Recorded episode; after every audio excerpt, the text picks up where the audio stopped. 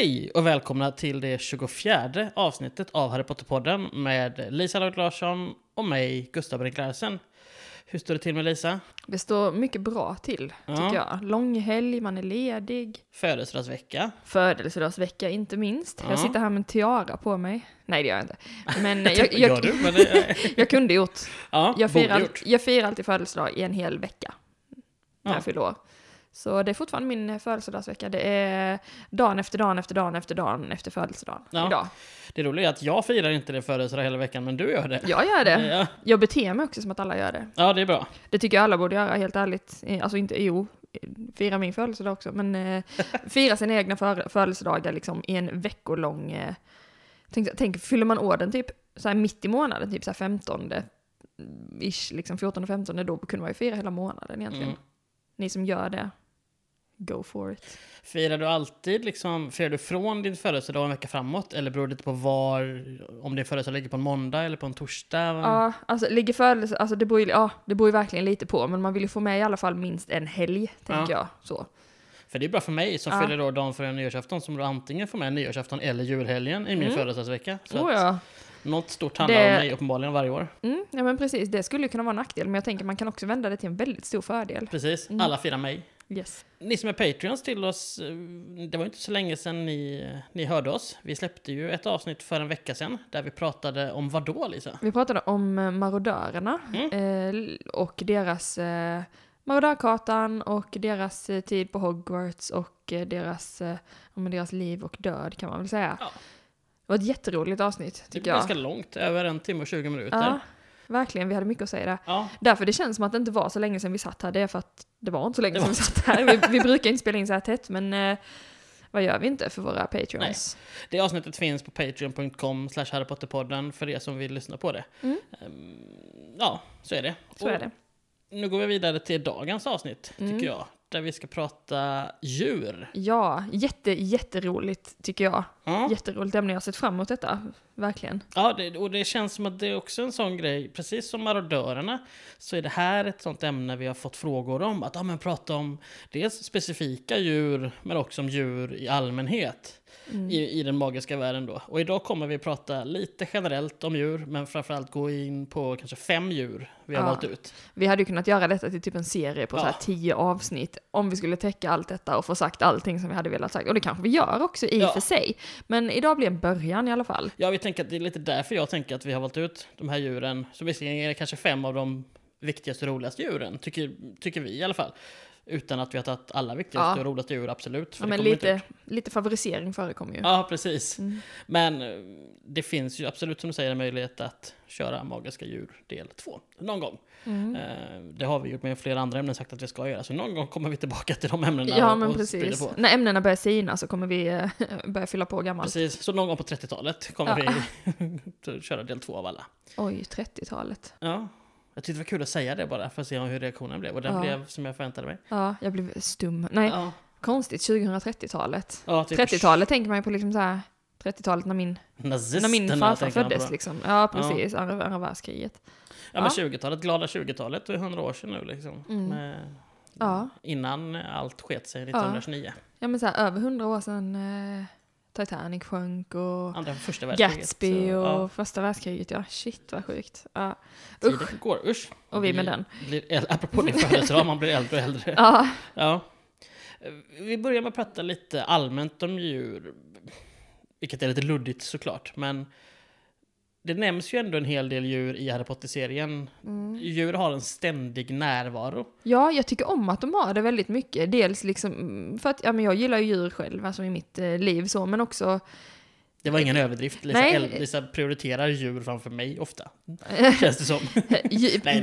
jag, prioriterar djur framför människor Ja, kan vi väl precis. säga, och det tycker jag man gör all, eh, det, det, det gör man med, med rätta. Ja, det är bra att, bra att någon gör det i alla Eh, fall. Ja, precis. Nej men alltså det, dels för liksom så då husdjursbiten, det är ganska relaterbart liksom så här, men Harry har en uggla, det är hans husdjur.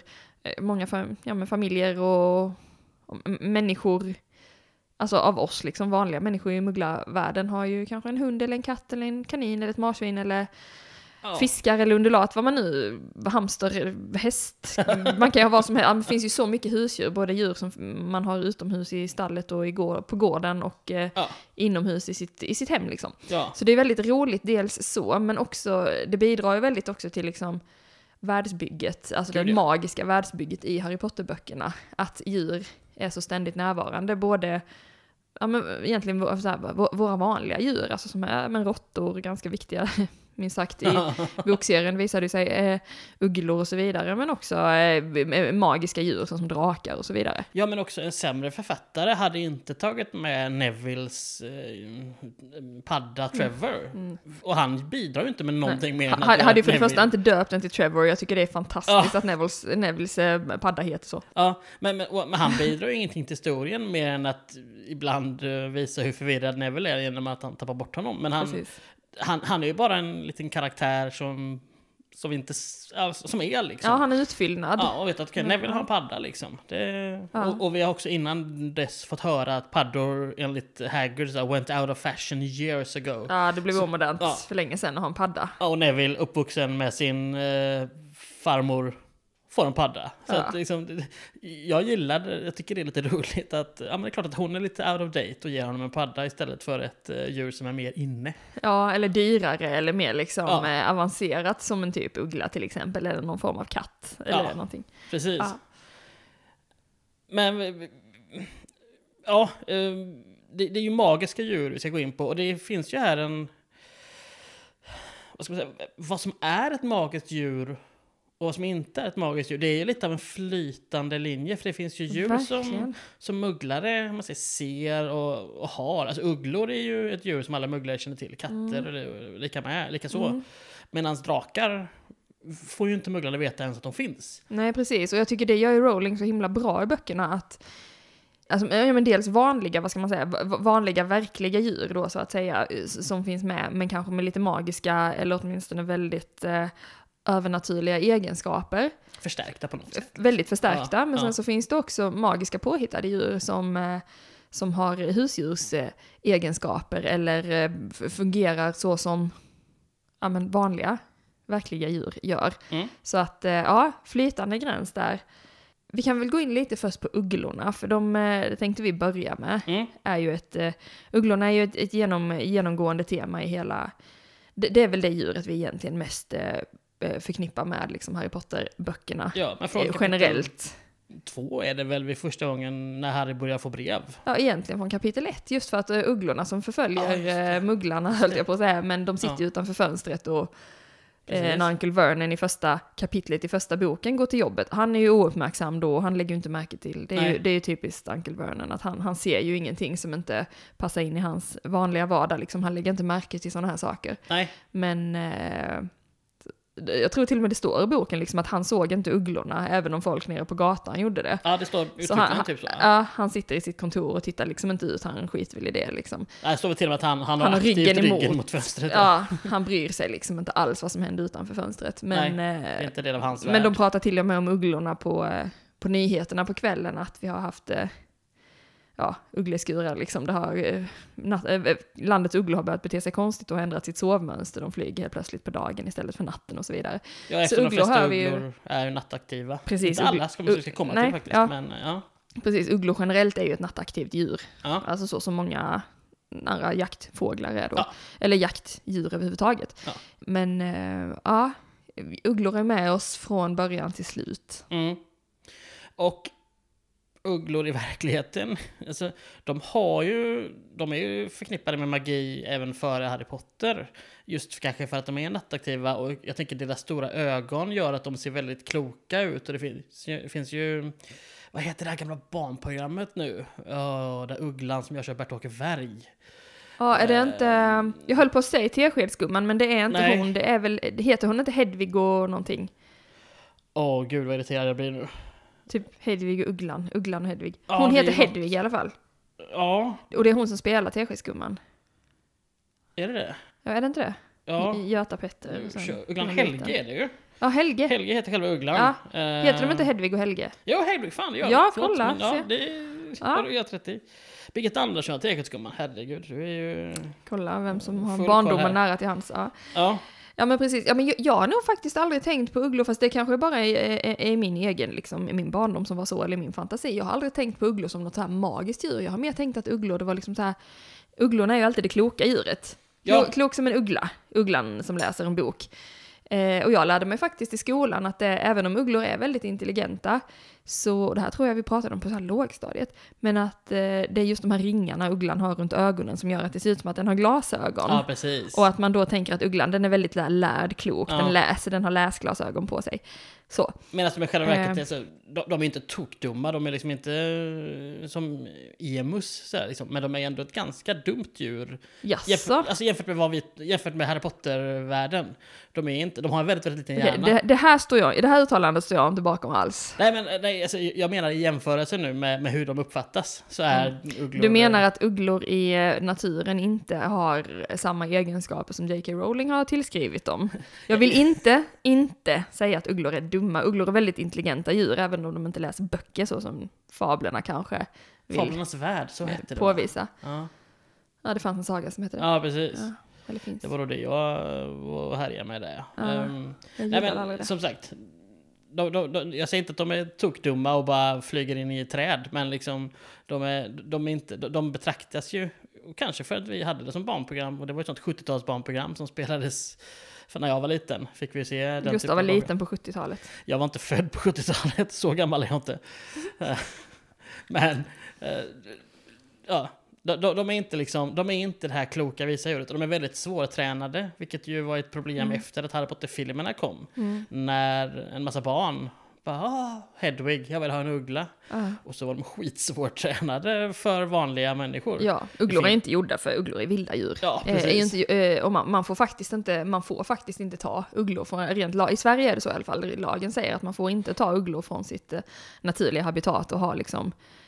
Alltså man eh, får inte ens ha någon som husdjur i Nej, Sverige. vi, nej vil, Ah. vilda djur eh, får, man inte göra det med. Ja, Eh, och, och det gäller även eh, Alltså, ja, svanar, eh, kaniner, nej vem fan vill ha en svan? För sig är de skitläskiga, men eh, som exempel då, poängen, jag eh, vilda djur som inte ägs av någon utan som lever fritt i Sverige, typ alltså vildkaniner, harar, eh, ja men lodjur, om man nu skulle lyckas få tag i ett sånt. Eh, man får inte ha, man får in, vem som helst får inte ta dem och ha som tama djur hemma, Nej, utan då ska man, hittar man till exempel en skadad Eh, men kanin, kaninungar hittas ju folk, hittar ju folk ofta så Ja. på våren och sommaren, för då är det någon jävla katt som har tagit en kanin och kanske gjort den lite illa och inte, alltså ligger den där liksom och vet inte vad den ska bli av. Så tar folk hem dem och tror att de ska föda upp dem hemma. Det får man inte göra, då ska ni ringa viltskyddet i er kommun. Ja, precis. Bra. Ja, så vet ni det. här har vi SVTs Eh, aha. eh, upplysning här av Ja, hur man ska bete sig, men det är bra. ja, jag tittade på Mitt i naturen var mitt favoritprogram när jag var liten. Där har man lärt sig en del. Ja, Eh, men nej, men det jag tänkte komma till var att ugglor, eh, eh, som du säger, de är inte lättränade och det är de alltså det är en anledning till det. De ska inte leva i fångenskap och eh, de, de, ja, de, ska, de ska inte leva i fångenskap och Nej. de eh, gör sig inte bra som husdjur. nej. Det är jaktdjur, rovdjur, eh, så. Mm. Faktiskt ganska farliga djur också, Ja. om man kommer på fel fot med en, Ja. med en uggla. Ugglorna i Harry Potter har ju ett par um, specialegenskaper som Rowling säga. dem. Varav framförallt en är för mig helt bisarr. Och det är att de kan hitta folk oavsett var de befinner sig någonstans. Eh, Jag läste på här innan nu och jag vet inte hur kanon det här är, men det stod på Harry Potter-sidor så att jag kan nämna det i alla fall. Att, att det skrivs adress på breven som man sätter på ugglornas, eh, alltså som man ger till en uggla. Det ska tydligen mest vara om ugglan kommer på villovägar och typ tappar brevet eller så, att någon annan trollkarl ska ta upp det och kunna ja, men, Adressera rätt, se vart liksom. det är liksom. Ja. Um, ja, precis. Antingen kunna leverera Ja. det personligen då, antar jag. Mm. Eller sådär. Men, men ugglorna behöver tydligen inte, det är inte så att de läser, ja här stod det Harry Potter Private Drive 4, nu åker jag dit. Utan de får höra Harry Potter och då vet de instinktivt på något sätt var Mm. personen befinner sig. Ja, och det är, inte så här, det är inte ovanligt eller konstigt att djur har sjuka lokalsinnen. Nej? För så är det ju typ. Man, skulle, man kan ju sätta vissa djur i en, eh, ja men, ta ett, ja, med vissa hundar, vissa katter, sä- säkerligen vilda djur också. Sätt den liksom i en mörk bur där den inte ser någonting. Kör den flera timmar åt ett håll och släpp ut den, då kommer den hitta hem, om Ja. den vill hem. Ja. Oftast. Det är väldigt sällan djur går vilse på det sättet. Nej, precis. Och lite samma Eh, sak, brevduvor kan ju hitta, alltså kan ju flyga rätt. Man kan ju lära dem att flyga åt rätt. Ja. För Brevduvor är ju en gammal, alltså på riktig, riktig sak. Ja, liksom. precis. Man har använt både duvor och korpar, Ja. tror jag man har kunnat träna i väldigt intelligenta djur också, och väldigt Ja. lojala djur. Jag tror att det är där jag Eh. menar att korpar är liksom betydligt mer intelligenta än ugglor. Ja, alltså, på det, det- sättet. Det jag menar med att ugglor är ointelligenta. Ja, åt, åtminstone på det sättet som vi människor ser Ja, på intelligens. Ska exakt. man väl kunna tänka sig då att korpar kan ju till exempel, de kan ju härma oss och lära sig vissa ord och sånt. Och då tycker man ju Korpar- så här, oh vad den här, vad den här undulaten till exempel som kan lära sig, eller papegojor kan ju lära sig att Ja. säga hallå och sånt här och härma. Tycker man gud vilken smart fågel, men det har egentligen inte alls med smarthet att göra, det är bara att den lär sig upprepat läte. Och det kan många djur göra, även Ja. om de inte kan låta som vi. Nej, korpar är för mig, ta inte det här för en sanne nu, men jag får mig att det är Mm. korpar som kan räkna till ett visst, typ till 12. Men inte längre. Alltså, det är inte just 12, och jag vet inte ens om det är korpar, men det finns Mm. sånt djur som, för, för de kan på något sätt då prioriterar med mat och vet att okej, men kommer ligger en här så har de lagt två i nästa och tre i nästa och väntar jag med att ta maten. Alltså de, de kan, djur är ju annars instinktiva, att ligger det mat så tar jag maten. Om de är hungriga såklart. Men de kan planera ut efter det, tänker Ja, precis. Ja. Och, och på något sätt räkna upp till en viss siffra som jag inte minns vilken siffra det var nu. Det här får ni googla på om ni är intresserade av. Men det, för mig är den typen av Mm. intelligens är ju fascinerande. Och det är den typen av intelligens jag menar att ugglor inte har, men som vissa Nej. andra djur, djur har. Precis, ja, ja men så, så kan det Ja. säkert vara. Vi ska komma tillbaka till ugglorna som vi eh, pratade om. Just att, eh, ja ugglorna i Harry Potter-serien då, deras speciella egenskaper. Dels som du säger då att, ja men de får höra namnet här, att det här, det här brevet ska till Hagrid, okej Hagrid, och sen flyger den till Hagrid. Mm. Något som vi pratade om innan som jag tycker också är ganska fascinerande, det är ju att eh, eh, när, Harry ska, liksom, när han ska skriva ett brev till Sirius, men ministeriet kollar posten och det är lite så här lite korrupta grejer som eh, förekommer här och var. Mhm. Så skriver han ju ett ganska kryptiskt brev då till Sirius att eh, för att ingen, om någon tjuvläser brevet så ska ingen liksom förstå vem det var till och vad, det här, vad som sägs i det. Precis. Eh, och så säger han till Hedvig, eh, jag vet att det står Snuffles på det här kuvertet, men det, det ska till Sirius. Och då tänker jag så här, okej, utgår vi från att Hedvig då läser på kuvertet, eftersom Harry är tvungen att förtydliga det här för henne, bara okej, det står Snuffles, vem är det? Jättekonstigt. Nej men det är ju att Harry inte vet att ugglor, det räcker att säga vart de ska till då. Ja. Tänker jag det som. Ja, det måste det ju Ja. vara. Jag tänker, men så här också, har Hedvig ens träffat Sirius så ska hon veta vem han är? Alltså det är väldigt så här, det är mycket där som hänger i luften. Det kan säkert vara sina förklaringar, men det är mycket som hänger i luften för oss eh, fans just i Ugglors, eh, Ugglors kapacitet att eh, lösa saker. Och så Mm. har vi då det eviga återkommande dilemmat då om, om ministeriet nu letade efter Sirius Black, varför skickade de bara inte en uggla till honom och sen eh, följde efter den på kvast? Nej precis. Det, det finns ju. Den är störig. Det, det finns en text på Wizarding World, alltså före detta Pottermore, om det här. Där Rowling själv har skrivit sina tankar och hon uttrycker sig väldigt kryptiskt. I, och i att det är en del av ugglornas magi. Ehm, att de, de kan hitta folk på det sättet utan att veta adressen. Och, och att det går, skrev, skrev hon också, det går att undvika att få brev. Det finns repelling charms och det finns eh, diverse andra eh, förtrollningar och sådär som hon skrev. Att man kan, eh, man kan ta till om man inte vill bli kontaktad av en ex-boyfriend eller ex-girlfriend som hon skrev. Ehm, så att det går, men det är väldigt svårt att, att generellt undvika att, att kunna få ugglepost. Men då som du säger då, skicka iväg en uggla och bara, ja men, Ja, Förfölj den på lite avsnitt, Ja. avstånd liksom så... eller har ugglan en förmåga att snirkla bort sig. Det, det kan också vara en del av magin på något sätt, att man inte ska kunna förfölja dem. Alltså, jag vet inte hur det skulle kunna vara, jag Mm. Nej, vet inte. det hade men- varit väldigt plot convenient ifall det bara så här, Verkligen. okej, ugglorna kan hitta vem som helst, men ing, vem, vem som helst kan inte staka en uggla till sin destination. Det är ju Nej. skitlöjligt. Men ja, Det vi- kan ju vara att de helt enkelt, ugglorna, alltså så här, det kanske är deras magi att nej, men ett brev ska komma fram här och ingen får följa efter. Alltså det kan... skulle ju kunna vara så. också, eh, men- inget vi men- vet om givetvis, men, Ja. eh, Ja, ja, men vi hur som helst, inte. ugglorna har ju fantastiska egenskaper, så kan vi ju, kan ju säga. Verkligen.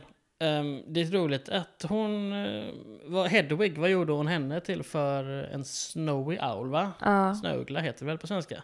det heter det kanske. Jag tror det. Och hon har medgivit att hon i efterhand sådär inte riktigt kunde så mycket om ugglor. För att hon har, just på Hedwig har gjort lite felaktigheter som är lite roliga. Att just den typen av ugglaart är dagaktiv. Eh, Vilket hon inte eh, visste om. Eh, också att de är typ stumma. Alltså de, Hedwig hoar ju. och- ja, skriker och gapar Ja. så fort det går lite vilt till. Ja. Ja, men det gör inte den arten i stort sett alls och sen, som hon skrev lite humoristiskt, förstod jag det som att eh, hon har fått många brev från folk som säger att ugglor äter faktiskt inte bacon. Vilket Hedwig får som eh, treats ibland. Ja. Det, det var det hon tyckte var viktigt och, och, folk tyckte var viktigt Ja. att påpeka för henne. Där kan jag också känna att sånt är löjligt, för jag menar våra husdjur, jag menar nej, det, det ligger kanske inte i vilda hundars eh, natur att typ käka smörgåsrån med ost, men, Nej, det, men det är min hund.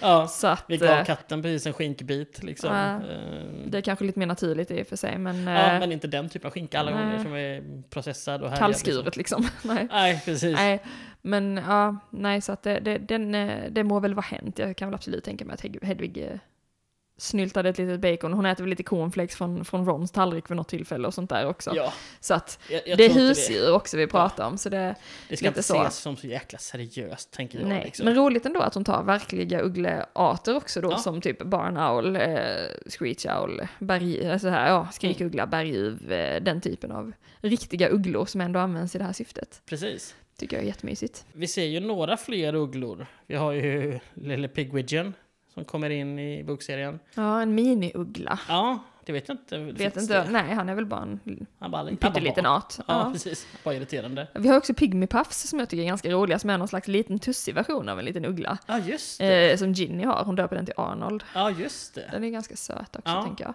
Men den kommer inte med brev och så väl? Eller gör den det? Ja, de använder ju knappt den, hon har Nej. den bara som sällskapsdjur tror jag. Ja, precis. Eh, är- men Pigwidgeon då, Rons lilla uggla som han faktiskt får av Sirius, Ja, den, eh, den skickar ju brev och den är väldigt stolt när han, eh, när han kommer fram och har Överstolt. levererat ett, ett brev. Vill Ja. han ju gärna flyga ett ärevarv. Vi har ju också eh, Hermes. Hermes som är Percys eh, uggla. Vi har Mm. Errol som är familjen Weasleys uggla Exakt. till exempel. och så Stackars vidare. Och så vidare. Så Ja, gammal. gammal ja. Ja. Är synd om honom. Ja. Överarbetad pensionär. ja, precis. Ja, Hans introduktion i filmerna är ju bara brutal när han flyger in i fönstret. Bara, ja, verkligen. Och Han han landar i alla- frukosten och allt möjligt. Ja, precis. Kommer med alla Hogwarts-breven till dem. Mm. Jag gillar också att Hogwarts har de här svarta värdiga ugglorna, de som Ja. är väldigt så här, officiella ugglor typ. Ja. Jätteroligt. Så här kostymugglor typ. Vad heter det Uggle-imperiet som är typ postservicen? Det är nog något namn innan där väl? Mhm, Owl Imperium. Eh, som är typ postservicen som finns i Hogsmeade väl? Det är väl i Diagon Alley. Är det det? det- Ja, Ja. något av det är det ju. Um, Ilops Ilops, ja precis. heter det. Så heter det. Shit vilken snabb brainstorming jag får göra. Ja, du, Ja, och Eh, där är ju Harry inne och är fascinerad någon gång. Över Mm, hur mycket, just det. Mycket ugglor, mycket olika ugglor, långdistansugglor och kortdistansugglor. Ja, och det finns ju även i Hogsmeade där på postkontoret, att de är sorterade både efter färg och efter liksom vilken distans de kan flyga, så om brevet inrikes eller utrikes, lokalt och så vidare. Jättekul, som ett, där, ett trollkarlsvärldens postkontor. ja, precis. Tycker jag är roligt. Sen kan man ju då ifrågasätta hur rimligt är det att, att använda ugglor? Alltså hur effektivt är det egentligen? Det känns som att de borde kunna på något sätt trolla fram ett brev bara magiskt. Alltså att jag har ett brev här som ska till någon Mm. fem, 500 mil bort. Att jag Mm. Alltså, skickar någon ja. flu powder liksom. Ja, men så tänker jag att också så som man har gjort inne på Trolldomsministeriet, att man skickar sådana här eh, memos, det är väl PM tror jag de har Ja. det på den svenska, att det är liksom små, små så- typ som jag tänker som, som sådana pappersbrevflygplan man gjorde när man var liten typ. Mm, som flyger själva då. Ja, ja men att den liksom så här kan fladdra iväg själv, det borde inte vara svårt att lösa. Men som allt annat i trollkarlsvärlden så är det lite konservativt. Ja. Det ska skrivas med fjäderpennor och det ska skickas brev med ugglor och så vidare. Ja, Det är sant. det är lite, Bara det att Trolldomsministeriet har gått ifrån ugglor på grund av hur skitet det blev i ett steg framåt kan man ju tycka. ja, Ehm, Ja, verkligen. ugglor kan man Ehm, fortsätta prata med länge som helst, men jag tänker att vi Ja. hoppar vidare till eh, det andra djuret Mm. vi tänkte prata om. Och då tar vi ett lite mindre djur och ett eh, djur som jag tycker om. Mm. De är lite små nifflarna. Ja, Gustavs favoritdjur. Ja, finns kanske inte jättemycket. Alltså så här. Vi har till och med en gosedjursnifflare i vårt sovrum. Ja, jag Gustav köpte det när jag var i Manchester sist tror jag jag köpte den va? Eller var det i London? Ja, ingen den? aning. Ja, skitsamma. den har suttit där ett tag i alla fall. Ja, det var i Manchester. Jag var i London valde jag inte göra det. Sen en månad senare var jag i Manchester och bara, nej nu jäklar. Jag var inne på Forbidden Planet där och köpte nördsaker. Och då blev en nifflare en del av den. Ja, Skitsöta ju. Ser ut som... Eh, ni- nifflare är ju faktiskt ett påfund av Rowling. Mm. Hon har ju, många djur hon använder är ju... Eh, har ju en mytologisk bakgrund. ja. Eh, vi ska komma till några av dem sen. Men nifflarna är ett, eh, en original creation. Mm, som hon har hittat på själv Ja. med dess egenskaper, fast väldigt inspirerat utseendemässigt av ett annat djur. Ja, nästan två andra djur. Det är framförallt tycker jag näbbdjuret. Som finns i Australien. Platypus på engelska, jag vet inte det, vilket som används mest i, i Sverige. Mm, googla dem ska ni se. De Ja. är väldigt, eh, de är väldigt nifflar eh, lika, Ja, precis. kan man säga. Ehm, och de är, det är ju ett vattenlevande djur. Och den är också lite lik något eh, djur som heter kortnäbbat myrpiggsvin, stod det att hon har också fått inspiration av. Alltså de som kommer på de här namnen som, Ja. ko- vad sa du, kortnäbbat myrpiggsvin. Exakt. Ja, det är ju, det ska ju vara speciella människor som kommer på sådana namn alltså. Ja, jag ser inte... En liten parentes bara. Ja, Men ja, precis. herregud. Ja, Då är ni- nifflare mm, mer rimligt. ja faktiskt. Mycket Ja. smidigare namn. Ja, Eh, kan man ju tycka. Ehm, de lever som... eh, alltså i Storbritannien är deras habitat nifflarna. Och deras special... Alltså det som gör dem magiska kan man säga är ju att de... De gillar guld och saker som skiner. Ganska, ganska mycket, ja de är ganska, får vi säga. ganska eh, intensivt eh, besatta av eh, det måste jag säga, jag tycker det är jätteroligt i Fantastic Beasts, eh, särskilt den första filmen där Ja. med Nifflan som är helt galen. Han Den är ju den stora behållningen med den filmen, är tycker jag. fantastisk. Det var Jag, då jag på riktigt föll för dem liksom. Ja, alltså dels de är ju otroligt söta. Och man tänker typ så som Ron säger, typ, och så jag önskar att jag hade en nifflare. Mm. Och sen bara, nej, absolut inte. De är jättesöta och jättegulliga, men jäklar vilket Jäkla kaos de gör. ja. Hagrid säger också till Ron när han säger liksom, ja men jag önskar jag hade en nifflare. Bara, nej det gör du inte, de förstör Mm. hus, de förstör byggnader. För Ja. de gräver och gräver och, och letar, de gör kaos. ja, precis. Och han, den här lilla nifflan då, jag vet inte, får vi ett namn på den? Det tror jag inte. Ingen aning, jag är inte alls insatt i dem. eh, Nej, De Nej jag filmerna. tänka på, jag tror inte att... Nej. Nej. Säg till ni om ni minns det, för det minns inte jag faktiskt. Men den flyr där i New York och kommer in på banken och ja, det men den sätter ju igång stora delar av historien Mm. Ja. i den filmen. Verkligen. Eh, genom att eh, Newt då, vars väska han är i, måste, ja, springer in i Jacob Kowalski och hips, så är den historien igång. Ja, just det. Men den är ju så jäkla snyggt animerad och så jäkla söt. Och den ser så busig ut, för Ja. den vet att den inte får göra det. Och när Newt ser den så bara tittar den på Ja, honom den och ser helt liksom lurig ut och Ja. smyger liksom så här. Ja, den är Ja. jättesöt. försöker fly. Ehm, och vi ser ju den i, i böckerna också. Vad Framförallt i bok fyra Mm. när Hagrid eh, har lagt ut lite, ja, det här minns jag inte svenska namnet på, men Mm. Leprechaun Gold. Det är guldet som försvinner efter ett tag. Ja, just det. Precis. Ehm. Hagrid har grävt ner det i sin trädgård och så ska eleverna då på en lektion får de välja varsin nifflare och sen så den som har fått upp eh, mest sådana här pengar vinner. Ja, precis. Och där får vi följa dem och de flyger upp och ner och hit och dit och eh, upp och ner i marken. De verkar vara extremt effektiva grävare. Ja, de har de här platta, de har, deras framtassar ser ut som små typ, eh, alltså, eh, vad ska man säga, som små skyfflar liksom, som, som spa, de är formade som spadar Ja. typ, just för att de ska, så platta handflator liksom för att de ska kunna gräva och skyffla undan jord liksom. Ja, Så det är men det när de är, näbbdjuret har simhud mellan sina så har de någon form av grävmekanism Ja. och bara tsk, tsk. Precis. Jag Ja. tänker så här som mullvadar och sånt också som har Ja. de här, så här små grävskopshänder. Typ. Precis. Jättesöta är det. Ja. Och så har de med sin lilla pung på magen där de eh, kan... Lägga sina skatter liksom. Ja, precis. Som åtminstone i filmen ju är, ver- verkar ha någon form av sån... men Som Hermiones väska, att det bara får plats hur mycket som helst. Ja, För när Newt tömmer så är det liksom... Det de har ju- gjort en så här extension eh, charm på Ja. alla nifflare liksom. De föds med en sån som de kan frakta hur mycket guld och diamanter i som helst. Ja, precis. Jätteroligt. Ja, och pung, det, det verkar verkligen som att hon inspirerats av Australien med de här djuren. Mm. För näbbdjuret är ju australiskt och pungdjur. Ja men ju- känguru tänker man känguru väl tänker- spontant. Ja, precis. Koala? Eller nej, de ungarna bara klänger på sin mamma va? Ja, precis. Det gör Ja, de. Det väl inte tekniskt sett ett pungdjur, Ja. va? Nej det är det nog inte. Skitsamma. Ja, skitsamma. Eh, ja. Det här är inte... Det, det här är magiska djurpodden. Ja, precis. Inte vanliga djurpodden. Mm. Eh, och de flesta djur i Australien vill vi inte ha ändå att göra med, för de är bara giftiga och vill äta upp oss. Farliga. Mm. Ja, precis. Ja, nej men, eh, ja, nej men nifflare är ju, de är supergulliga men man vill nog inte ha dem i sin ägo. Man vill ha dem i den form som vi har, i gosedjursform. Ja, Eh, Sittandes i ett hörn med alla andra gosedjur. Precis. För där, är de, där, där gör den ingen skada. Precis. Eh, Men skulle man kunna ha en sån vältränad. Det är lite som att man vill ha en tigerunge för att den är söt. Men man vill fan inte ha en tiger sen, för då blir man uppäten liksom. Nej. Eh, Och att det är lite djurplågeri ja, också. ja, Men det, man vill ha ja. en tigerunge som kan komma och gå som han vill. Aha, precis. precis. Här, Ett, ett, djur, ett djur som gillar att vara tamt. ja, precis. Om något Den romantiska bilden av eh, att vi som människor bestämmer över djur. Mm. Tveksamt. Ja, det är inte så käckt. Nej. Eh, ska vi gå vidare? Mm. Vi tar en av dina. Ska vi ta en av mina djur? Ja, vi har valt två var lite sådär. Ugglorna Mm. bestämde vi att vi skulle köra och sen valde vi två var lite. Så att, mm, nu får Lisa köra. Mm. Ja, ja, men då, eh, då kör vi på ett av mina, inte bara ett av eh, mina favoritdjur i bokserien, utan ett av mina favoritdjur eh, eh, ever. Vad är det för något? Det är enhörningar. Ja. Som jag- då såklart inte heller är en rolling-skapelse som Nej. alla vet.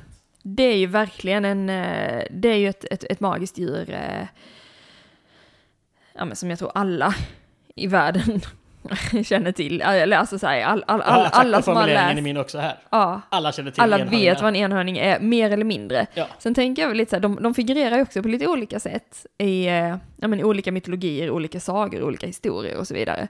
Enhörningarna i Rowlings eh, universum, jag faktiskt, eh, för länge sedan så läste jag en sån här grej, att hon, hon eh, inkorporerade just enhörningar i historien som en hyllning till Skottland för att där Hogwarts eh, ligger. Mm.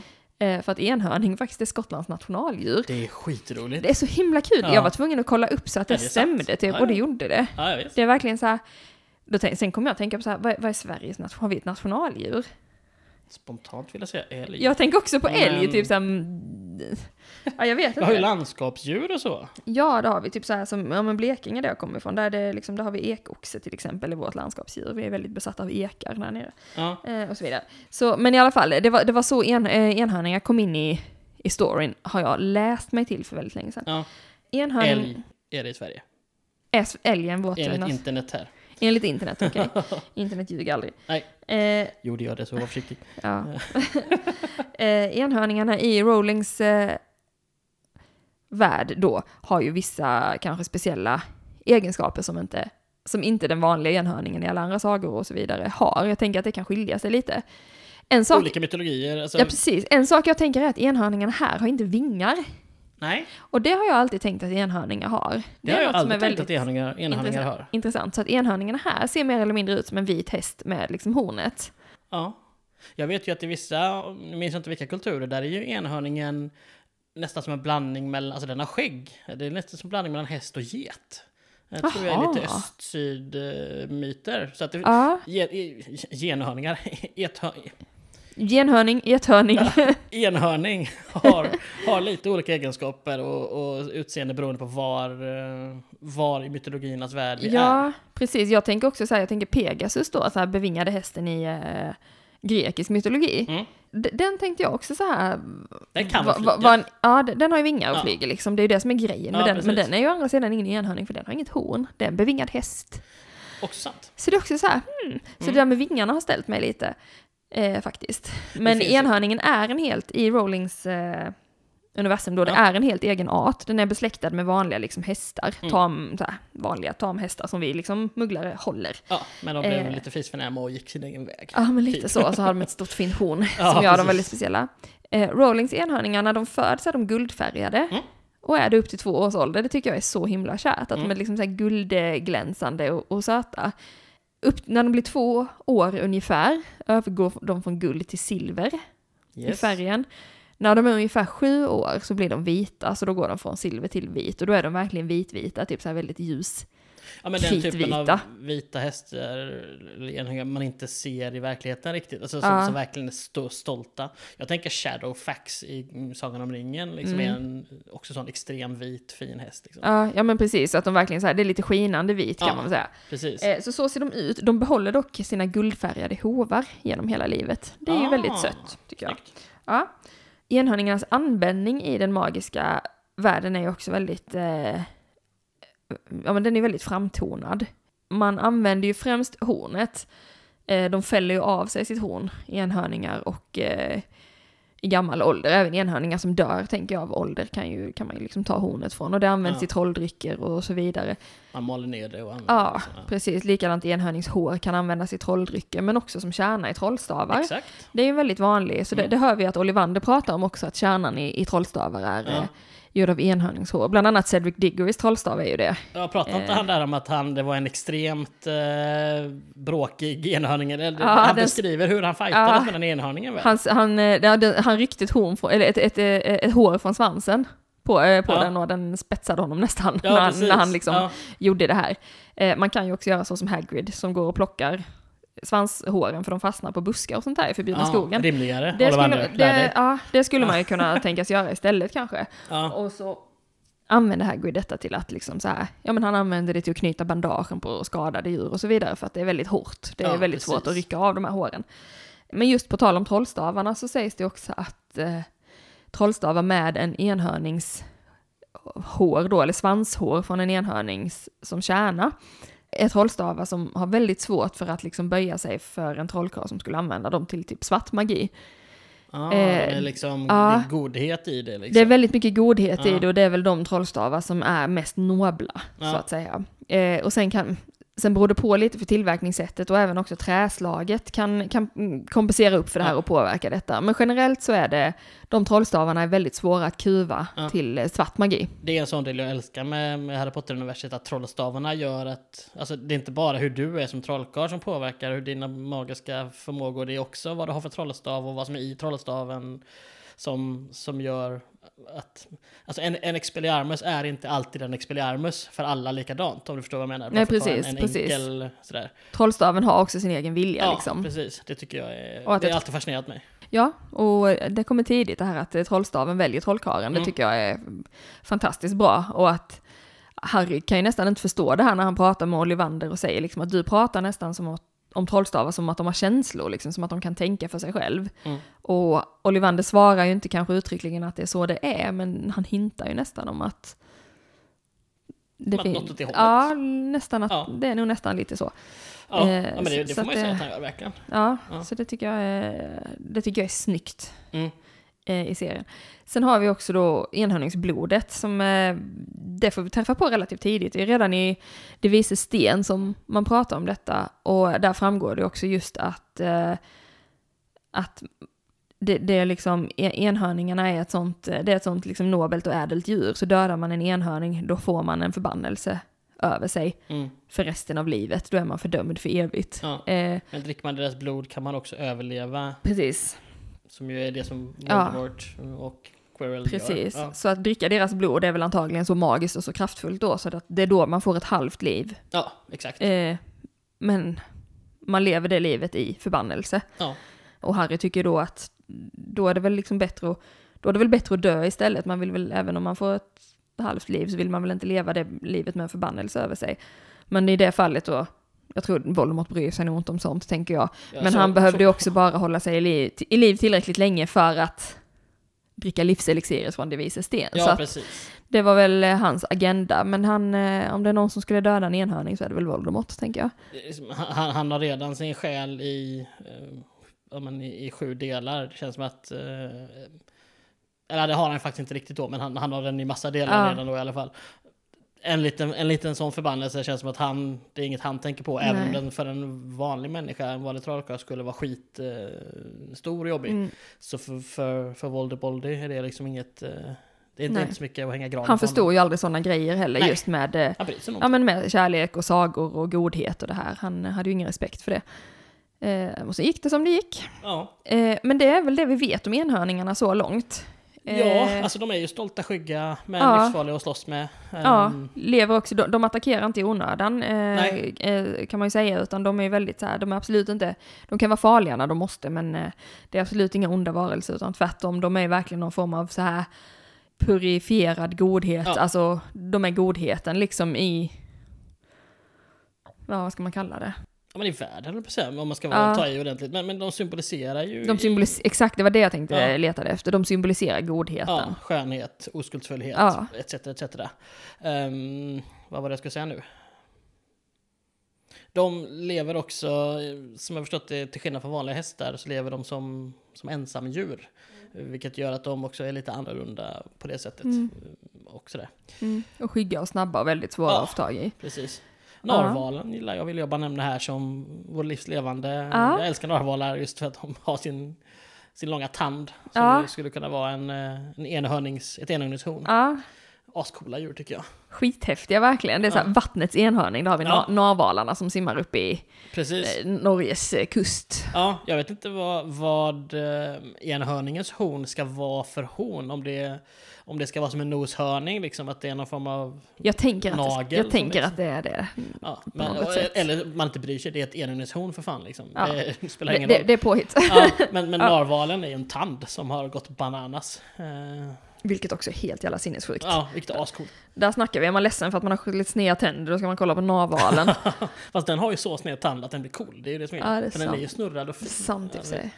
Ja, de var Eh, skithäftiga. Yes, vi hoppar vidare till nästa djur. Ja, Som är, jag tar eh, och pratar om, jag tar, vi tar och pratar om hippogriffer. ja. Eh, finns ju en viss likhet med, ja. alltså också ett hästliknande djur. Vi är väldigt eh, häst, eh, det är mycket hästtema på det här avsnittet Ja, det det bli. Men eh, Enhörning är kanske inte ett av de djuren vi följer mest, men det är också ett magiskt djur som är svårt att undvika att prata om. Någonstans när man pratar om magiska djur. mm, Hippogriffer däremot eh, får vi, det har vi ju, vi har ju en polare till hippogriff liksom. I, Ja, i, i Buckbeak och den Verkligen. kommer in redan i, i bok tre. Och... ehm, och är ja, men- faktiskt med i alla böckerna därefter. Ja, Ju-. Just uh, Mer eller Vingfåle då som han heter i den svenska översättningen. Och som blir Witherwings heter han ju senare när man ska dölja vem han är. Ja, just det, det blir hans uh, undercover-namn. Ja, så. Precis. Är det Vingfåle nu? Det här är ju kanske dumt att fråga oss som inte har läst böckerna, men ving, är Vingfåle Buckbeak? Ja, Och vad är då Witherwings på svenska? ingen aning. Nej, precis. Skriv gärna till oss. eh, hippogriffer är ju inte ett djur som Rowling hittat på. Som hon har tydligen fått, fått förklara för, de flest, eller för många att liksom, alla vet att sfinxar finns sedan tidigare, alla vet att enhörningar, men många tror att hon har hittat på hippogriffen. Mm. Men det har hon icke. Nej, det har hon inte. Det är ett gammalt fint fabeldjur. Mm. Som också, alltså, det, det är inte lika utbrett som enhörningen som ju typ finns i alla kulturer nästan. Eh, Inte alla såklart. Ja, precis. De flesta vet vad en enhörning Ja. är, men jag tror inte alla som inte till exempel då har läst Harry Potter vet vad en hippogriff, hippogriff är. Utan det har ju hon lite grann... eh, Man har ett- reclaimat deras ja, fame. men, ja, men alltså, exakt. Hon har liksom säger Rowling har gjort eh, det begreppet levande lite Ja. grann igen, kan man väl säga. Gud ja. En Jag hade hippogriff... inte en aning innan vad det var, ska jag säga. Jag visste inte vad en hippogriff var innan jag läste Harry Potter. Nej, Det var jag som sysslade med sånt i, mina, i min barndom. Ja, jag, jag tänker att man, man väl, när man läser religionskunskap, eller det är väl historia tänker jag, för att eh, som man får läsa så, alltså hippogriffen är ju en symbol för den gamla grekiska guden Apollo och sådär. Det står säkert i någon mellanstadiebok man har läst någonstans, men det är inte det som läggs... Eh, Det är aldrig det roliga som det läggs fokus på Nej, i skolan heller. Det är bara precis. så här tråkiga krig och sånt. Det är aldrig Ja. de coola magiska djuren de hittade på. nej, det känns dumt. dig. Jag vet inte... Ja, nej, ja, jag skulle komma till hippogriffen, hur det, vad den faktiskt är. Ja. Det, är en, eh, det är en varelse som består till hälften av eh, fågel, örn eh, egentligen, Mm. eh, och häst. Så bakdelen är som en häst, Mm. bak, liksom så här, ja, men, ländrygg, eh, bakben och så vidare, en häst. Även frambenen. Eh, nej, frambenen är en örns... Ja, eh, det. den, har, eh, den har örnben Klor. då, så den har klor istället för hovar fram till. Ja, Hovar då på bakbenen. ja, precis. Benen är ju, det är som att kloven där framme blir det liksom. Ja, Ja, precis. precis. Som... eh, Eh, vingar som en örn Ja. och huvud som en örn. Ja, Väldigt majestätiska och fina. Det är också coolt hur så här fjäderskruden från framdelen liksom så lite fint övergår till liksom päls då som på hästar. Eller hårrem som det heter på hästar på svenska. Eh, just det, ja, det. det. det- väldigt häftiga djur. Ja. Kom, kommer också i, de finns, färgerna som de kan ha är också väldigt så här hästliknande, just att de kan vara svart, fux, skimmel och så vidare. Ja. Det sägs ju som att de är, eh, att de ser ut som en alltså örn fram till häst bak. Men att de kommer från av det gamla fabeldjuret grip. Mm. Som ju alltså är ett, ett häst och lejon. Ja. Alltså, En grip kan man säga kort förklarat, det är ett bevingat lejon som har örnhuvud. Precis. Det, det är väldigt likt en eh, hippogriff egentligen. Fast med lite andra drag. Alltså Ja. lejondraget istället då. Så när en grip och eh, en, eh, en häst stod då, Ja. som, som jag förstår det som, så måste hannen vara grip och honan måste vara häst liksom. Det är det som jag också Ja. har sett. var Sådär. När de tillsammans då förökar sig så är avkomman en hippogriff. Ja, Borde ju inte hända så jävla ofta, så jag tänker att hippogriffer skulle vara ganska sällsynta. det tror jag att de är. Ja, Eh, för att spontant. I, i mytologierna så, alltså pre-Harry Potter-mytologierna så, så beskrivs, eh, alltså symbolismen med hyp hippogriffer är bland annat eh, att eftersom att de blir till när gripen och hästston möts och de är naturliga fiender så är den en symbol för verklig kärlek. Mm. Att liksom när två fiender går ihop eller om man ska säga. Ja, liksom men förena sig liksom och känna kärlek för varandra tänker Ja, jag. Liksom, även om inte djur kanske tänker så när de parar sig. Nej. Men i, Men i alla fall, symbol- symbol, ja, precis. Eh, Och det, det finns också i, i kristendomen finns det också en liknelse med, med, med Kristus. Att eh, eh, eh, ska man säga, Kristus är både gudomlig men också eh, mänsklig. Och att hippogriffen då är men också två. Så här. Vilket man kan tycka att gripen också är. Så varför är inte gripen en symbol för Kristus då? Eftersom att det är en lejon. Ja. Skitsamma, det, Ah. det är inte jag som kom på det här. O- Jag, oklart om en grip eh, uppstår när ett lejon och en örn parar sig, för hur fan Tveksamt. skulle det gå till? tveksamt. Ja, det känns lite sådär. Känns som att eh, hippogriffen, eller vad säger gripen är lite som eh, den gamla mm, skandinaviska här guden eh, Bure som kom fram när någon slickade på en sten. Sådär, Ja, gamla. jag läste på lite om eh, i våra gamla nordiska mytologier här om veckan bara för att det var kul. Och det, Bure verkar vara en Ja, intressant, googla Bure, han var Ja. riktigt sjuk. fet verkar han vara. Ja, Ehm, vad är då um, hippogriffens uh, utmärkande egenskaper?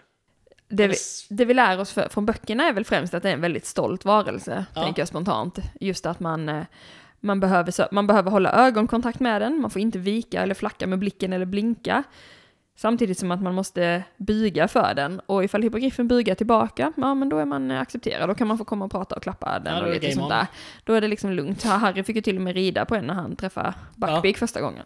Eh, ifall hippogriffen inte bugar tillbaka så tänker jag att då gäller det väl att backa jäkligt fort därifrån. Då ska man vara Forrest Gump snabb väl- och springa därifrån Ja, tror för de är väldigt farliga och eh, men samtidigt har de väl fattat tycke för en, en, en människa eller en någon varelse generellt så är de ju väldigt lojala och eh, goda vänner. jag. Verkligen. Det känns verkligen som stolthet och, och integritet. Men när du är inne i min sfär så, så är jag lojal Mm. mot dig på något sätt. Det Ja. är känslan man får i alla fall. Samtidigt får man ju inte kränka den där heller, för Nej. det är lite så här, det får ju Malfoy med, eh, erfara på eh, första gången han också träffar Buckbeak, att han, eh, han har fått komma fram och han har bugat för honom, Ja, fått komma fram och klappa honom och så säger han med någonting typ att ja men du är väl inte alls farlig din, din stora fula bäst liksom, så här ditt monster typ. jag gillar inte backpick. Och det gillade inte Buckbeak, blev han vansinnig och eh, Vansinnigt. klöv nästan Malfoy på mitten. Ja. Så ja, Nej, men det känns som att när Harry träffar Buckbeak eh, senare tillfällen, det känns som att han, han behöver buga, men det går fortare för Ja. att liksom, ja, jag De- bugar tillbaka, de känner Buckbeak, och så kör vi liksom, för att du är min, eh, ju- ja, du är min kille liksom. mm, Ehm, så att eh, på det sättet lo- lojaliteten. Men visst, kräver fortfarande en del, är fortfarande krav, ställer krav på att du ska bete dig liksom. ja men verkligen. Eh, Kan inte släcka så fort du är inne i, Nej, inne i gemenskapen. Precis. Men också väldigt lojal och väldigt så här Buckbeak har ju visat prov på det ett antal gånger. Dels attackerar han, han attackerar Snape faktiskt. När, eh, när Snape och Harry har en liten, eh, en liten vendetta ute på skolgården. Jag tror detta är i slutet av sjätte boken när Snape har dödat Dumbledore och Harry jagar efter honom och ska liksom straffa honom för det här. Eh, och Snape står böjd över Harry, men då kommer, då kommer Buckbeak till undsättningen och, och börjar kloa på Snape, eh, som får fly Ja, hals över huvud. Eh, men också i eh, slaget om Hogwarts när, eh, när Buckbeak leder ett gäng eh, andra magiska varelser eh, i attack mot jättarna. ja, det gillar man ju. det gillar man ju. Att godhetens djur, varelser, går ihop och Ja, ja, fightas mot, mot de onda helt ja, enkelt. precis. Väldigt, lite kuriosa kring, eh, kring just hippogrifferna i Hogwarts eh, liksom flock då som Hagrid tar hand om av hippogriffer. Hur många hippogriffer möter vi i boken? Alltså, är det bara Buckbeak han har med sig? Det är bara, nej han har, han har ett, ett gäng hippogriffer. Hogwarts har en egen, liksom, en egen hord av hippogriffer. Ja. Men det är bara Buckbeak som vi möter vid namn. Däremot så har Rowling då på en inofficiell eh, lista av hippogriffernas namn i den här flocken som har läckt ut. Ah, Eh, också namngett tre andra hippogriffer. Eh, som heter Fleetwing, Stormswift och Hot Hoof. ah. Eh, men det är de- inga officiella... Nej. eh, Det står inte i böckerna eller sådär. Nej, precis. De, de namnges aldrig. Nej. För, jag, för jag tänker i, i filmscenen där så är det bara Buckbeak med. Ja. Men i, i, i, i korresponderande bokscen så Ja. är det väl ett, ja, då är det väl flera Ja. hippogriffer. Ja, Så de får prova att hälsa på. Och så är det någon som inte får och då får de springa bak. Liksom. Ehm, Men i filmen gjorde man det, det var ju 2004, 2005 det var tillräckligt att, att göra en hippogriff. Ja, det var väl ganska jobbigt att animera kan jag tänka mig, så att de, man höll väl det till en. Så. Det är roligt med den. det, det kanske alla som sett filmerna vet, men man får ju se Buckbeak bajsa i den scenen. De har gjort det som en liten goof att eh, när man är på ett longshot och man ser både typ Hagrid förklara någonting av barnen och står Hippogriff där så bara släpper han ifrån sig. Jaha, det har jag inte tänkt på. Fan Nej, jag, jag såg det i något extra material, tyckte det Ja. var roligt. Det var faktiskt ganska roligt. Ja, man har också sagt att man, man medvetet, för det är en sån grej med hippogriffer att eh, forskare förr i tiden gjorde ju sådär, liksom att men har de funnits eller inte? Och så har man då räknat på att nej men den väger så mycket så att vingstorleken skulle bli så stor så att det inte skulle vara fysiskt möjligt. Det skulle kräva, alltså vingarna skulle väga för Ja. mycket för att kunna lyfta. Och i filmerna har man valt att göra så att när, när vingarna är indragna så är de mycket mindre. Alltså, Ja. Det fi- finns fysiskt inte plats för så mycket vinge som sen utvecklar sig. Nej, man vill inte att Buckbeak ska ha för små vingar när han väl flyger, för då ser det bara farligt ut. Ja. Det är bättre att liksom göra rejäla vingar och nu sitter jag och flyger här. ja, Gustav flaxar med armarna som ni inte ser. Nej, nej men att, att göra det trovärdigt och att då, ja. Ja. vingarna får egentligen inte plats här, men det är väl magiskt så, vad fan, det löser sig. Ja, liksom. ja, Och precis. det tycker Och då- jag är fine. Liksom. Ja, jag tycker Buckbeak i filmerna är väldigt välgjord, måste Ja, jag säga. Jag tycker det är jättefin, eh, jättefint gjord. Eh, Ser honom såklart som alla sådana bifigurer, ser vi honom lite för lite. Ja, ja men självklart. Gud, man hade kunnat ta med Buckbeak väldigt mycket mer. Nå- något, som jag filmen. tycker, något som jag tycker är väldigt roligt också, alltså en liten, en liten parentes eh, kring, kring just Buckbeak är när eh, i, i femte boken när eh, eh, Mr Weasley ligger på sjukhus och eh, familjen Weasley och Harry firar jul på, firar jul på Grimmauld Place hos, eh, hos Sirius då. Som ju då vid det laget har Buckbeak hemma hos sig. Att Sirius går, man hör honom gå runt och jul, julpynta och sjunga en jullåt Ja. som heter, eh, eller där han sjunger God rest you merry hippogriffs. Ja, Jag kommer inte ihåg hur den går, vad titeln är på svenska, men den är väldigt så här, det är roligt. väldigt roligt ja, att det finns liksom motsvarande eh, liksom Christmas carols med magiska djur då. Ja. Det tycker jag är jättefint. Ja. Att Sirius går runt och, sjung, naturligt. går runt och sjunger om sitt husdjur, Ja. liksom, det tycker jag är kärleksfullt och Ja, fantastiskt. Sirius gillar ju Buckbeak jättemycket. Ja, det gör han. Han får ju Buckbeak liksom, eh, Ja, mer eller mindre, eh, när han flyr med honom. Ja. För Buckbeak har ju en, eh, det har vi inte ens pratat om, han har ju en viktig roll i slutet på bok tre. absolut, absolut. Utan honom hade det varit väldigt svårt att, att rädda Sirius, för att inte säga omöjligt. Ja, verkligen. När han då ska avrättas, men eh, ni vet, Time Turner, Ja, vänta nu vilken, jo bok tre är det. ja precis. Ehm, ja men tidsvändare Hela, hela den balletten. Ja, Eh, men det slutar ju med att eh, de eh, två fugitives flyr tillsammans då, både Buckbeak som är dödsdömd och Sirius likaså, Ja. flyr tillsammans. ja. Otroligt fint, ett av, dem, ett av mina favoritinslag i, Ja. i den boken. Det beskrivs väl som att Buckbeak, han lever väl i Grimmauld Place sen? Ja, Han hänger sig på vinden va? ja han hänger i Sirius, om det är hans mammas sovrum, som, Ja, har, som det. eh, Buckbeak har fått som eget rum. Ja. Jag skulle bara vilja se honom gå upp för trappan i det huset. Ja, verkligen. Trångt och Häng, jävligt. hänga liksom. där uppe helt sur. Ja, Ja, eh, och så vaknar säkert mammans porträtt till och Buckbeak bara hugger till. Ja, liksom, precis. jag. Inte Sitter- som en hund Och, som och så här med klicka med näbben så som han gör när, han, är, när han är missnöjd, liksom att han sitter där. Liksom tyst där nere. Ja, precis. Så missnöjd. Jätteroligt. Ja, gud. Ja. Då har vi kommit till djur nummer fem som vi ska prata om idag. Det sista djuret. Vilket är det, Lisa? Det är också ett av mina favoritdjur för de har sån här mörk aura. Ja. Jag gillar det lite grann, jag som är lite emo. Sådär. De har ju verkligen en mörk aura. Ja, det har de. Det är eh, thestrals, eller testraler som jag tror de heter i eh, de svenska översättningarna. Det heter de på svenska. Det är en Det rimlig översättning kan jag tycka. Mm. Faktiskt. Ja, det var ganska likt. Eh. Men eh, det är också ett av mina favoritdjur som vi får, vi får stifta bekantskap med dem, ja egentligen från bok två kanske, eller från, ja bok tre, eh, men där ser vi inte dem. Nej. Utan det är först i bok fem som vi, eh, vi får se dem. Det Mm. är ju de eh, bevingade reptilliknande hästarna som drar eh, vagnarna upp från Hogwarts-expressen och Hogsmeade upp till skolan. Precis. Och detta är ju en rolling påhitt av henne? Det är ett eh, påhitt av Rowling. Ja, Det, den stora grejen eh, med de här är ju att det här är djur som man bara kan se för blotta ögat om man har sett döden. exakt. Eh, förklaras det ju som.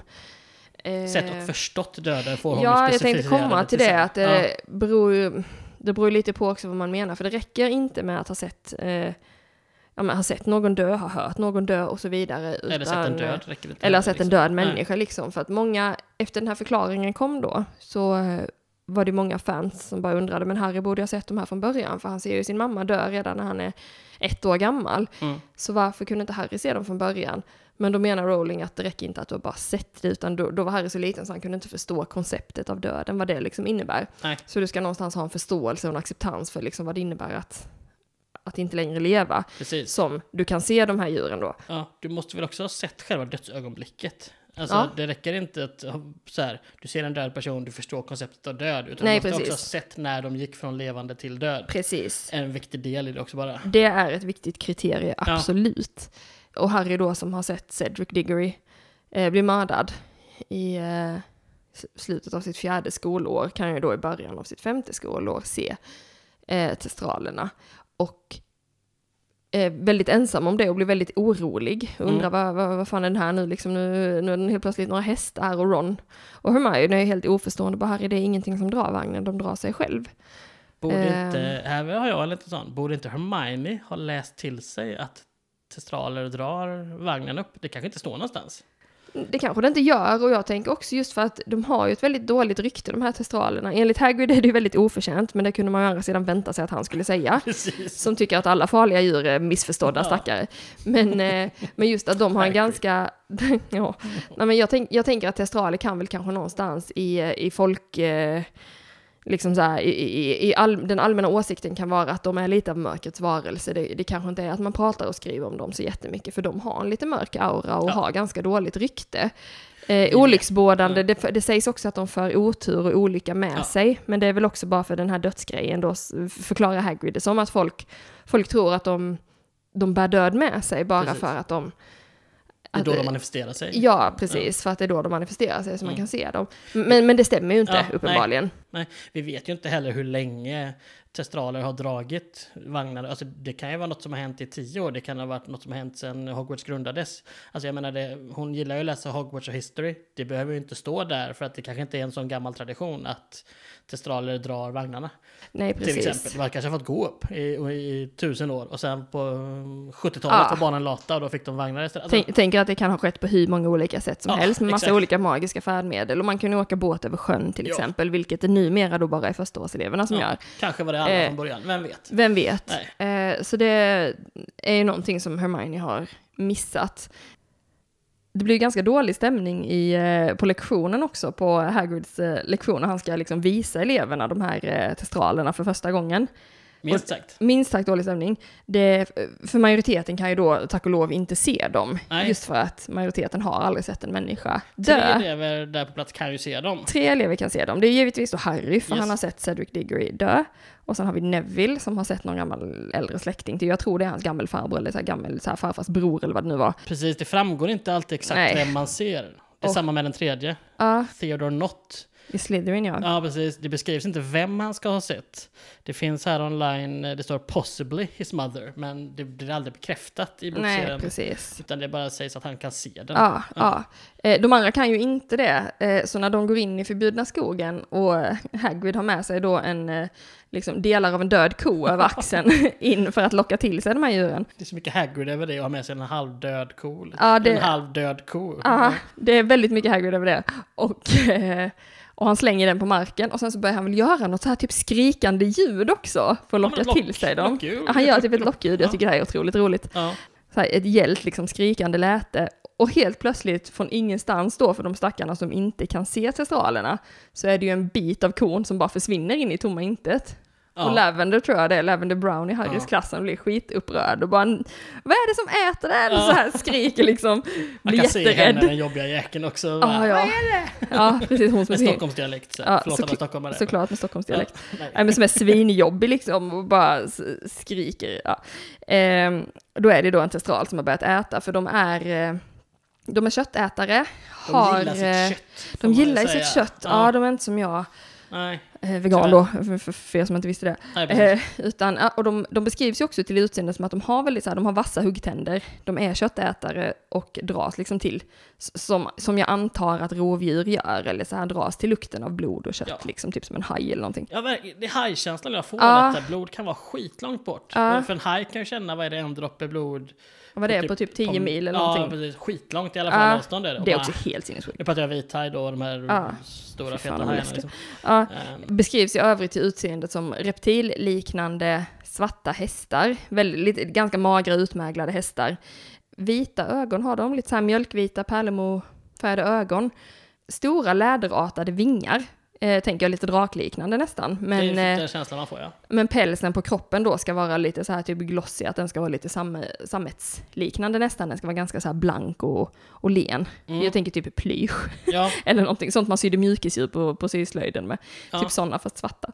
Nej, men ordet, vi kollade upp ordet thestral, alltså det engelska, Mm. det betyder så här dark eller gloomy på engelska. Ja, Och al, alltså thestral, thestral betyder någonting i stil med att så här, Men något som navigerar mot dysterhet Ja, och eh, liksom ja, så att mörker och dysterhet kan man ju säga. Ja, hela namnet blir det liksom. Ja. Någonting som dras emot mörkret eller mot dysterhet. Ja. Eller mot, ja. Men som sagt, det här stämmer, ju inte, det här stämmer inte alls. Eh, de, är, de är ju inte, det sägs ju att de bär otur med sig, det gör de inte. Nej, det ett passande namn för hur de ser ut, kanske inte hur de och, och hur människor och trollkarlar då betraktar dem. Precis, och Men- just hela den här dödsgrejen då gör väl kanske att de får en lite negativ klang. Men de är fantastiska varelser, eh, enligt Hagrid, och jag måste säga att jag håller med. De är till skillnad från enhörningen besläktade med andra magiska hästliknande djur. Mm. Eh, enhörningen är ju inte det, så de här och enhörningar har ingen, inget släktskap eh, till varandra. konvergent evolution. De har Oh, utvecklat ett så liknande håll. pass. Ja.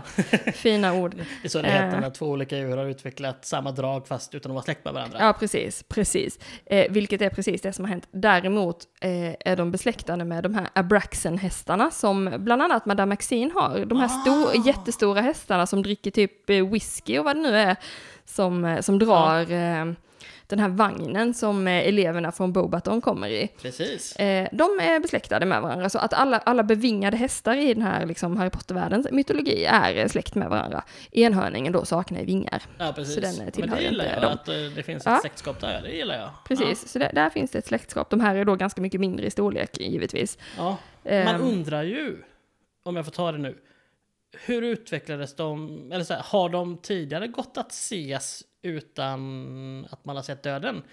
Eller, alltså det draget, när, när, när kom det? För om de då har en gemensam släkting med hästar som Mm. Ja, alla just kan det. se, så någon gång måste de ju ha blivit osynliga för, för oss, eller de som då inte har sett döden. mm. Det, om, om jag då, som ju är evolutionär tänkande där, bara Ja, när kom det, det till och hur kom det till? Ja, och var, det de, ju- var de svåra att se sen, att de blev mer och mer osynliga, eller var det ett, eh, ett steg? ja, det är väldigt intressant, för det, det här är just själva dödsgrejen, just att, att, att de är osynliga tills man har sett döden, eh, gäller även för mugglare. Så eh, det Så här är... mugglare kan se dem Mugglare som, annars? har- mugglare som har sett döden kan också se de här hästarna. Ah, eh, yes. Annars, eller de här varelserna. Det gäller, där gäller samma regler som, eh, som för häxor och trollkarlar helt enkelt. Så den formen av magi, det är likadant som, eh, ja, som Diagongränden och eh, Plattform 9 och trekvart. Ja. Att det är, med hjälp av en trollkarl där så kan ju mugglare komma in och vara där också. Som Hermines föräldrar till exempel. Exempelvis. Så det gäller någonstans även mugglare också, att de kan, har en mugglare sett någon dö, vilket jag tänker att många i mugglarvärlden faktiskt har gjort. Jag tänker bara så här hur många, alltså tusentals människor som jobbar typ i, i sjukvård Ja, och äldreomsorg och så vidare, Ja, som har sett, sett människor dö, både liksom kanske från olyckor och, och, och, brott, brott eh, relaterade, ja, och ålder och sjukdom. Ja. Så det är väldigt så här, tror jag, jättevanligt och Min- folk som kommer från krig och så vidare. Min moster jobbar som sjukhuspastor och, och då, men ett av hennes områden är ju att vara med folk sin sista tid. Hon tänker mig, jag har sett jättemånga människor dö. Precis. Hon var med när hennes syster dog, alltså som min mamma. Det är liksom, Ja. Så att det finns jättemånga människor som har sett jättemånga människor dö. Jag har inte sett någon i dödsögonblicket, jag har bara sett kropparna i Mm. efterhand. Eh, sådär. Ja. Men jag tänker att det finns väl, du har väl sett folk dö? Ja gud, hur många Ja. som helst. Jag har jobbat som eh, hitman. Nej jag skojar. eh, som, fy, nej, som, ja, nej, jag jobbade i min ungdom, så när jag jobbade på äldreboende så jobbade jag som nattvak eh, när det sattes in extra vak då för människor som låg inför döden så att de inte ska liksom dö ensamma då, utan då sitter man och har vak heter det. Så att man, det är alltid någon som sitter hos människor som är, eh, ja men som mm, är på väg att dö liksom. För alla har inte släktingar som kan vara där hela tiden. Nej, precis, precis. långt bort som är på väg dit. Precis, så jag jobbade ju med det då inom Ja. sjukvården, eh, som sommarjobb och extrajobb och sådär. Muntert. Eh, men så detta gäller då även mugglare, så mugglare som har sett döden kan också se de här varelserna. Mm. Så det står faktiskt i, eh, i lagen i trollkarlsvärlden att ska man ha, det är bara folk med extra expertis som får ha de här som husdjur. De känns inte husdjurskompatibla alla Eh, gånger. jag tänker att man har kanske inte dem som husdjur, men man har dem så som Hagrid Ja, typ, att man får precis. föda upp dem, man Ja. får liksom jobb, arbeta med dem. De har en skog, men Hagrid matar dem Ja men så här, eh, ibland, precis. liksom. Det, man, det måste man ha speciellt godkännande för att göra och folk som har det måste också när man har dem i eh, Ja men när man, håll, när man har dem i liksom så här som djurhållning att då måste man även lägga en disillusionment charm på dem lite då och då för att mugglare som då eventuellt skulle kunna se dem inte ska få upptäcka dem. För Ah. de faller ju fortfarande under trollkarlsvärldens sekretesslagar. Såklart. Liksom drakar och alla andra Ja. magiska djur då som Ja, mugglare såklart. inte får känna till. Eh, så det, det kan vara är det intressant. smidigt att mm, troll, eller säga mugglare som kommer dit får ju redan den här känslan av att oj, jag hade något annat och alla de här förtrollningarna det beskrivs Ja. som att de har. Så där finns ju det inbyggt i själva Hogwarts. Men om man har dem någon annanstans i, Precis. i, i Sherwoodskogen eller någonting. Ja, nej men så här, folk som bor i liksom så vanliga typ Ja. städer och byar eller på Partille, eh, lantgårdar och så vidare kan Ja. ju säkert, eh, kan, så, så omfattas av de här reglerna då Ja. att man måste göra allt man kan för att hålla dem hemliga, osynliga och så vidare. Ja. Eh, så det är ganska intressant. Mm. Eh, ja, parentes utöver då som eh, kännetecknande drag är ju att de har väldigt bra lokalsinne och Gud, ja. eh, väldigt bra på att flyga. Flyga snabbt. Snabba Ja, verkar de ju vara. precis. Eh, Det beskrivs ju att Dumbledore, jag vet inte om det är en sån off-book eller i-book, men att han använder dem ibland. Mm, jo, men det gör han. Ja, och de används ju i bok 5 när, det är är det inte Luna som kommer på idén? Jo. Eh, precis, det är det. Hon kan ju se dem, fast hon är ju inte i samma klass, det var därför inte som hon är ett år yngre. Nej, precis. Luna kan ju också se dem, för hon Ja. har ju sett sin mamma gå bort när hon Ja. var liten. Precis.